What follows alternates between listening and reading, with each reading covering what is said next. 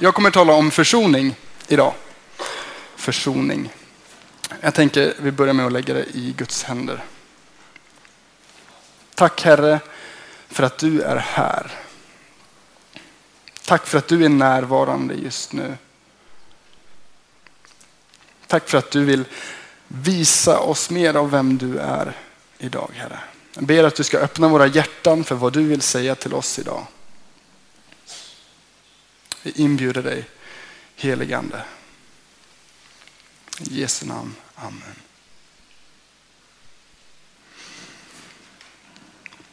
–1994 så bodde det två familjer i en eh, liten by i Rwanda i Centralafrika. Papporna i de här två familjerna hette Andrew och Calixt. Och eh, de var goda vänner fast de kom från två olika folkslag. Under lång tid så hade det funnits konflikter mellan hutuerna och tutsierna, de här två folkgrupperna i landet. Och som säkert många av er vet så bröt det 1994 ut ett fruktansvärt folkmord i Rwanda. På bara 100 dagar så mördades 800 000 människor. En femtedel av landets befolkning på 100 dagar. Och man beräknar att ungefär 250 till 500 000 kvinnor blev våldtagna under den tiden. Ett fruktansvärt trauma för det här landet och för de människorna som bodde där. Och det var framförallt tutsierna som drabbades, nästan enbart de som drabbades. I byarna så ställdes granne mot granne. Och Calixt, en av de här personerna, var en av dem som gick runt och eh, gick från hus till hus och hade ihjäl tutsier. Och Andrew, den här andra personen, han försökte så gott han kunde skydda sin familj och sin släkt. Men han lyckades inte rädda alla. Så Calix och några till kom till, till Andrew och lyckades döda hans frus familj. Han, hennes båda föräldrar och fem syskon, hela hennes familj blev dödade av Calix och några till. Och Andrew kände sånt hat efter det här. Helt förståeligt. Han kände sånt hat mot Calix för det han hade gjort och såg till så han hamnade i fängelse där han fick sitta i 13 år. Under hela den här tiden så fortsatte han känna det här hatet inombords. Det finns så mycket orättvisor i den här världen, så mycket hat. Ja, det, det, man behöver inte kolla särskilt långt. Om vi slår på nyheterna så ser vi det i oroligheter runt omkring i världen. Fredsavtal kan slutas efter lång tid men kan rivas upp på bara någon dag.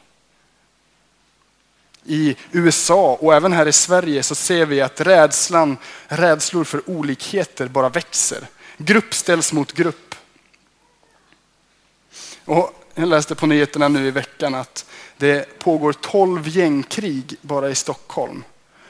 Sex gäng söder om stan, sex gäng norr om stan. Förra veckan var det dubbelmord i Hallonbergen. Nu i veckan var det dubbelmord i Kista. Hämndaktioner som leder till hämndaktioner i det eskalerande våldet. Vi människor har svårt att förlåta. Vi har svårt att komma överens.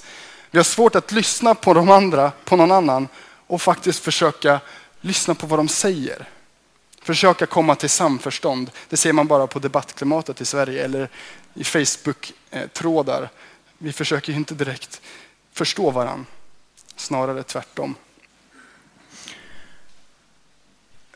Försoning är något som det står om väldigt mycket i Bibeln.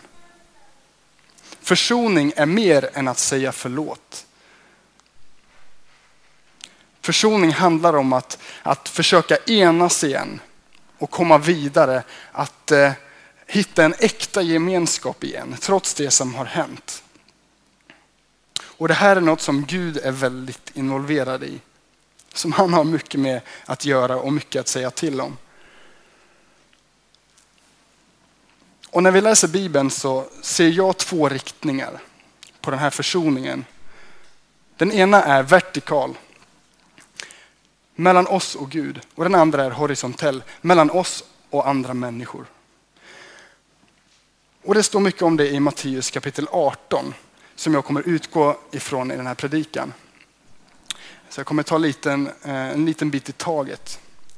Och det börjar med att Petrus, eller när vi går in i mitten av kapitel 18 så, så är, är Petrus frågande. Han funderar kring hur mycket ska man kunna förlåta en annan människa?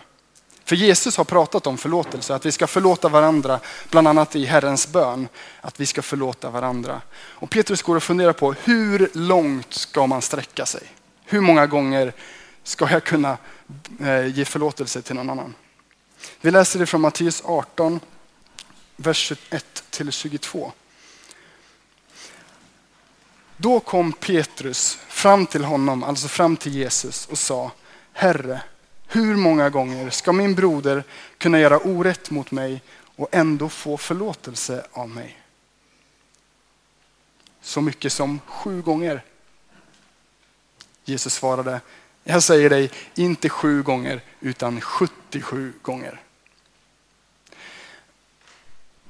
På den här tiden, de som var utbildade i den judiska tron, i den eh, rabbinska läran som det kallades, de, de menade på att man kunde sträcka sig till tre gånger. Tre gånger kunde man ge förlåtelse. Det var liksom det som ansågs rimligt. Sen, där gick gränsen. Liksom. Och talet sju på den här tiden som Petrus använder, det betecknar fullhet eller helhet. Som när Petrus säger Jesus, kan man förlåta någon så mycket som sju gånger? Då tar han verkligen ifrån tårna. Det är liksom så mycket som han kan tänka sig. Han dubblar liksom vad man i övrigt pratade om på den här tiden, eller tänkte på den här tiden. Bara inte, inte kan man väl förlåta någon så många gånger, säger han mer eller mindre. Och Jesus säger, nej, nej, nej, nej, nej. Inte sju gånger utan 77 gånger. Mind blown liksom ja, man kan nästan se Petrus ansiktsuttryck. Bara, vänta, är han seriös eller driver han? Liksom? Vad, vad pratar han om? Och 77 är också, har också en innebörd i det här sammanhanget. Talet 77 står det om i första Mosebok kapitel 4. Eh, där Lemek, som är Kains son, han talar om hur han ska hämnas. Om någon gör något mot honom så ska han hämnas 77 gånger om, säger han. 77 gånger om. Om någon ger mig en skråma så ska jag ha ihjäl honom. Liksom. Det är hans perspektiv. Så talet 77, det står för det ohämmade våldet, det ohämmade hämnden, blodsutgjutelsen. Liksom. Så när Jesus använder talet 77 så gör han det på tvärtom. Han säger mer eller mindre att på det sättet som hämnden och hatet har varit så okontrollerad och ohämmad, så ohämmad, så gränslös ska förlåtelsen vara istället.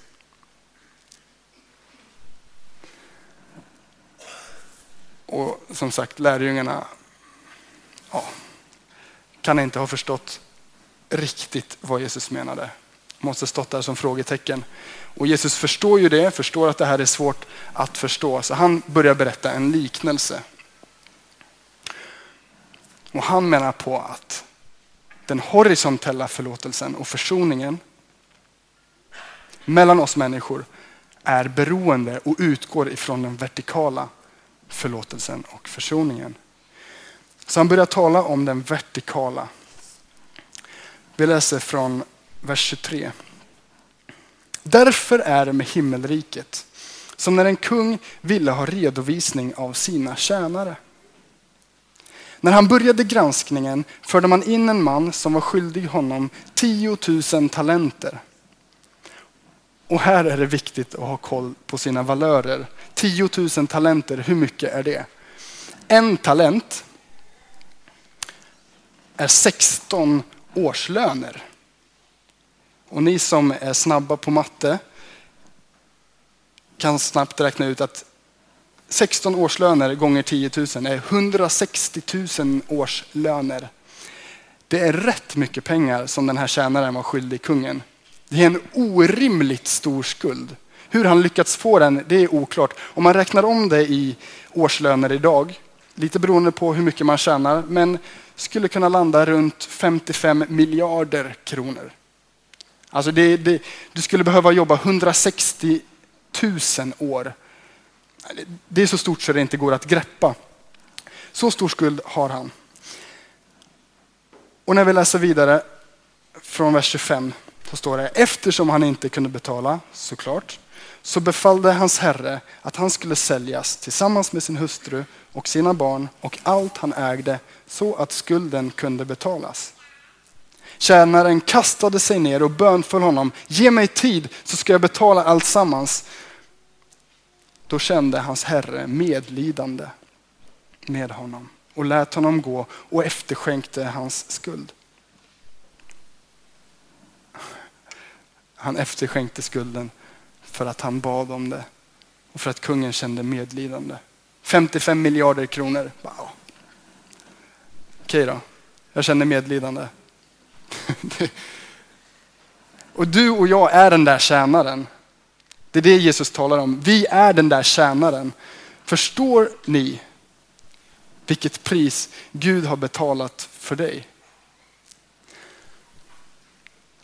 För vi, vi har vänt Gud ryggen. Det finns en avgrund mellan oss och Gud. En skuld på 55 miljarder kronor. Vi har ingen chans att leva i 160 000 år. Vi har ingen chans att betala tillbaka den skulden. Vi har vänt oss bort från Gud och jag kan inte leva så gott så jag kan liksom förtjäna att komma inför Gud. Det är omöjligt. Vi har ingen chans. Vi har ingen chans. Och jag menar, Gud skulle hur lätt som helst kunnat slänga jorden på sophögen med alla människor och allt, för de har ingen chans att betala tillbaka det där. Liksom. Men han väljer att inte göra det. För han känner medlidande med dig. Han känner medlidande med oss. Så istället för att stå och kolla ner på jorden så kommer han ner som en tjänare. Jesus, Gud född till människa, föds på jorden och tar på sig vår skuld. Han lider för vår skull. Han tar på sig vår enorma skuld när han dör på korset. Och han skapar någonting nytt. Vi försonas med Gud och han skapar någonting nytt i oss. Som det står i andra Korinthierbrevet kapitel 5, vers 17 18 som vi också hörde tidigare i gudstjänsten. Alltså, om någon är i Kristus är han en ny skapelse. Det gamla är förbi, det nya har kommit. Allt kommer från Gud som har försonat oss med sig själv genom Kristus och gett oss försoningens tjänst. När vi tar emot Jesus så blir vi nya skapelser. Han skapar någonting nytt i oss. Det är helt fantastiskt. Det är helt fantastiskt. Och den här liknelsen är helt fantastisk. De här proportionerna är ju helt ofattbara. Och Jesus är, är märklig. Han är dock inte en sån som alltid stryker medhårs. Han kan vara ganska rak. Han kan vara ganska utmanande. Han kan vara väldigt utmanande. Och Det skulle vara skönt att, att avsluta predikan med med de här verserna. Men Jesus fortsätter liknelsen. Tyvärr. Tyvärr för mig kan man säga. För det, det, är tuffa ord. Vi fortsätter att läsa från vers 28. Och det, det här har ju att göra med Eh, hur våra, våra relationer påverkas av Guds eh, förlåtelse. Vi läser från vers 28. Men när tjänaren gick därifrån så mötte han en annan tjänare som var skyldig honom hundra denarer. Och vi pausar där. Så tjänaren går alltså därifrån och han stöter på någon annan. Han har blivit förlåten 55 miljarder kronor och möter en annan tjänare som är skyldig honom 100 denarer. En denar var en dagslön på den här tiden. Så 100 denarer är 100 dagslöner, typ 90 000 kronor, typ en schysst begagnad bil. Ja, det är en summa. Det är rätt mycket pengar. Det kan vara ett studielån liksom. Eh, det är mycket pengar, men det är en rimlig skuld. Det är en rimlig skuld. Det går att betala tillbaka på sikt. Vi fortsätter, vi läser därifrån och så fortsätter vi. Men tjänaren gick därifrån och mötte en annan tjänare som var skyldig honom hundra denarer. Han grep honom om strupen och sa, betala tillbaka vad du är skyldig. Den andra kastade sig ner och bad honom, ge mig tid så ska jag betala. Men han ville inte, utan gick därifrån och lät sätta honom i fängelse tills skulden var betald. När de andra tjänarna såg vad som hände så tog de mycket illa vid sig. Och de talade om allting, alltsammans för sin herre. Då kallade denne till sig tjänaren och sa, din usling, jag efterskänkte hela din skuld när du bad mig om det. Borde inte du ha varit lika barmhärtig mot din kamrat som jag mot dig? Och i sin vrede lät hans herre bödelsdrängarna ta hand om honom tills hela skulden var betald. Så ska min himmelske fader göra med var och en av er som inte av uppriktigt hjärta förlåter sin broder.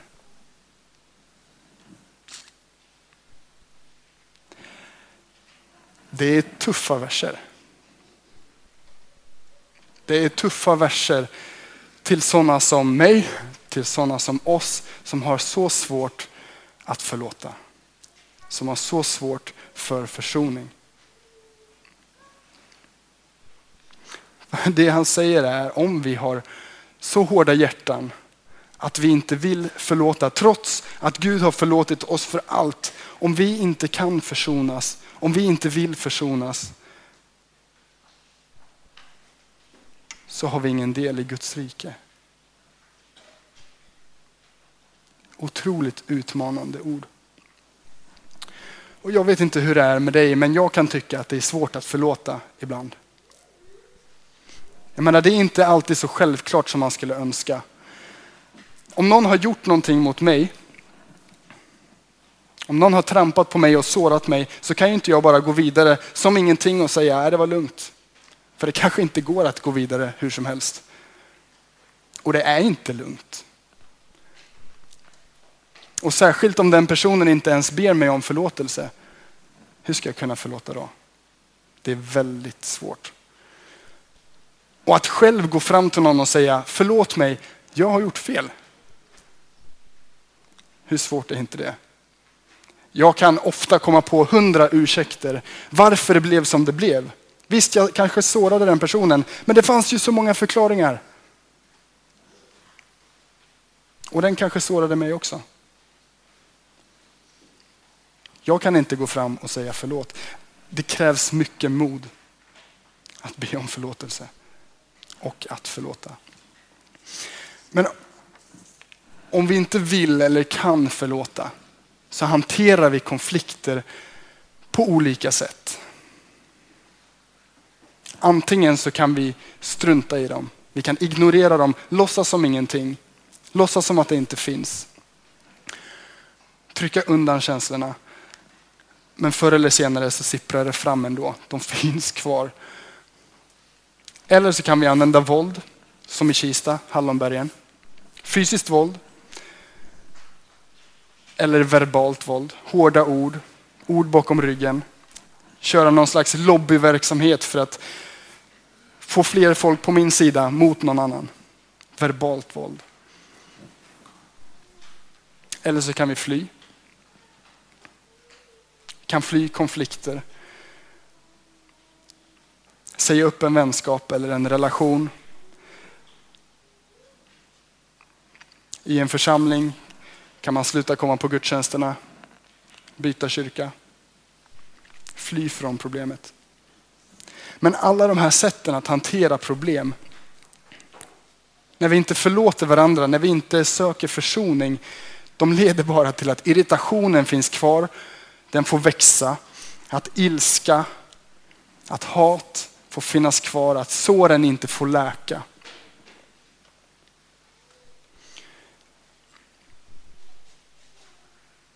Paulus uppmanar oss i Efesierbrevet kapitel 4. Jag uppmanar er alltså, jag som är fånge för Herrens skull, att leva värdigt er kallelse, alltid ödmjuka och milda. Ha fördrag med varandra i tålamod, i kärlek. Sträva efter att med friden som band bevara den andliga enheten, en enda kropp och en enda ande, liksom ni en gång kallades till ett och samma hopp. Församlingen ska visa på något annat. Det är möjligt att visa varandra kärlek. Det är möjligt att förlåta, att be om förlåtelse. Med Guds hjälp, med hans kärlek och utifrån hans försonande verk så gör han det möjligt för oss. Calixt, mannen som jag talade om i början. Han som satt i fängelse i 13 år för det hemska han hade gjort. Under de åren i fängelse så kom han i kontakt med en eh, organisation, en kristen organisation. Den här organisationen hade insett att om Rwanda ska kunna resa sig upp igen, om det ska kunna återupprättas, om de ska kunna gå vidare så krävs det försoning i det här landet. Det krävs försoning. Han mötte de här och han började förändras i fängelset. Hans hjärta började förändras. Andrew han mötte också den här organisationen under de här åren. Men han kunde inte släppa det här hatet. Efter 13 år så släpptes han ur fängelse. Och några år senare så var både Calixt med sin familj och Andrew med sin familj på samma gudstjänst. Och predikan handlade om försoning. Och Gud talade in i deras hjärtan. Gud rörde vid dem. Så efter gudstjänsten så möttes de, bad varandra om förlåtelse och försonades med varandra. Jag har en bild på dem här på väggen. Calix till vänster och Andrew till höger. Deras hat mot varandra fick försvinna och de är idag goda vänner. Deras familjer äter tillsammans och umgås. Deras söner ser på varandra som bröder. I kyrkan så läser Calix ur Bibeln, högt ur Bibeln och Andrew predikar. Och de åker runt till olika fängelser runt om i landet där förövare fortfarande sitter kvar och talar om försoning. Att lära sig förlåta. Att säga förlåt och ge förlåtelse. Det blev hela skillnaden för de här två männen och för deras familjer. Det gjorde både dem och deras familjer fria. Jag ska gå in för landning. Men att förlåta kan ta tid. Att förlåta är inte alltid enkelt, som jag sa tidigare. Det kan ta 13 år och mer. Och det är inte säkert att allt blir som innan, såklart. Ett förtroende byggs inte upp bara för att man kommit överens. Bara för att man förlåtit varandra. Men vi kan lita på att Gud har försonat oss med honom. Att vi kan komma till Gud. Att Jesus står i försoningens tjänst. Mellan oss och Gud. Att han har öppnat vägen för oss till honom. Och att han vill ge oss den kraften och den kärleken som vi behöver för att kunna förlåta varandra. På riktigt. Så att vi kan förlåta varandra ohämmat. 77 gånger om. För vi är satta i försoningens tjänst här på jorden. Så ta det uppdraget på allvar. Att du står i försoningens tjänst. Lär dig förlåta och lär dig säga förlåt. Vi ber tillsammans.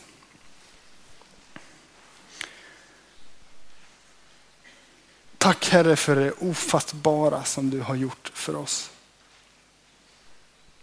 Tack för det ofattbara du gjorde för oss på korset Herre. Tack för att vi kan få komma till dig hur vi än har levt Herre. Oavsett vår bakgrund. Oavsett vad vi bär på. Oavsett vad vi har gjort så kan vi få komma till dig och lägga det inför dig. Du tar på dig det och vi försonas med dig Herre. Tack för att vi har dig. Tack för att du känner medlidande med oss och känner kärlek till oss Herre. Herre, hjälp oss inse bredden av det, vidden av det Herre. Och Herre, vi ber dig om hjälp att förlåta varandra. Att försonas med varandra. Det som är så svårt, som vi har så svårt för. Det här landet behöver försoning. Den här världen behöver försoning. Vi behöver förlåta varandra. Vi behöver visa på någonting annat. Vi behöver visa på dig Herre. Hjälp oss med det. Ge oss den kraften, ge oss den kärleken. Tackar dig Herre för att du är med oss. Tack Herre. I Jesu namn. Amen.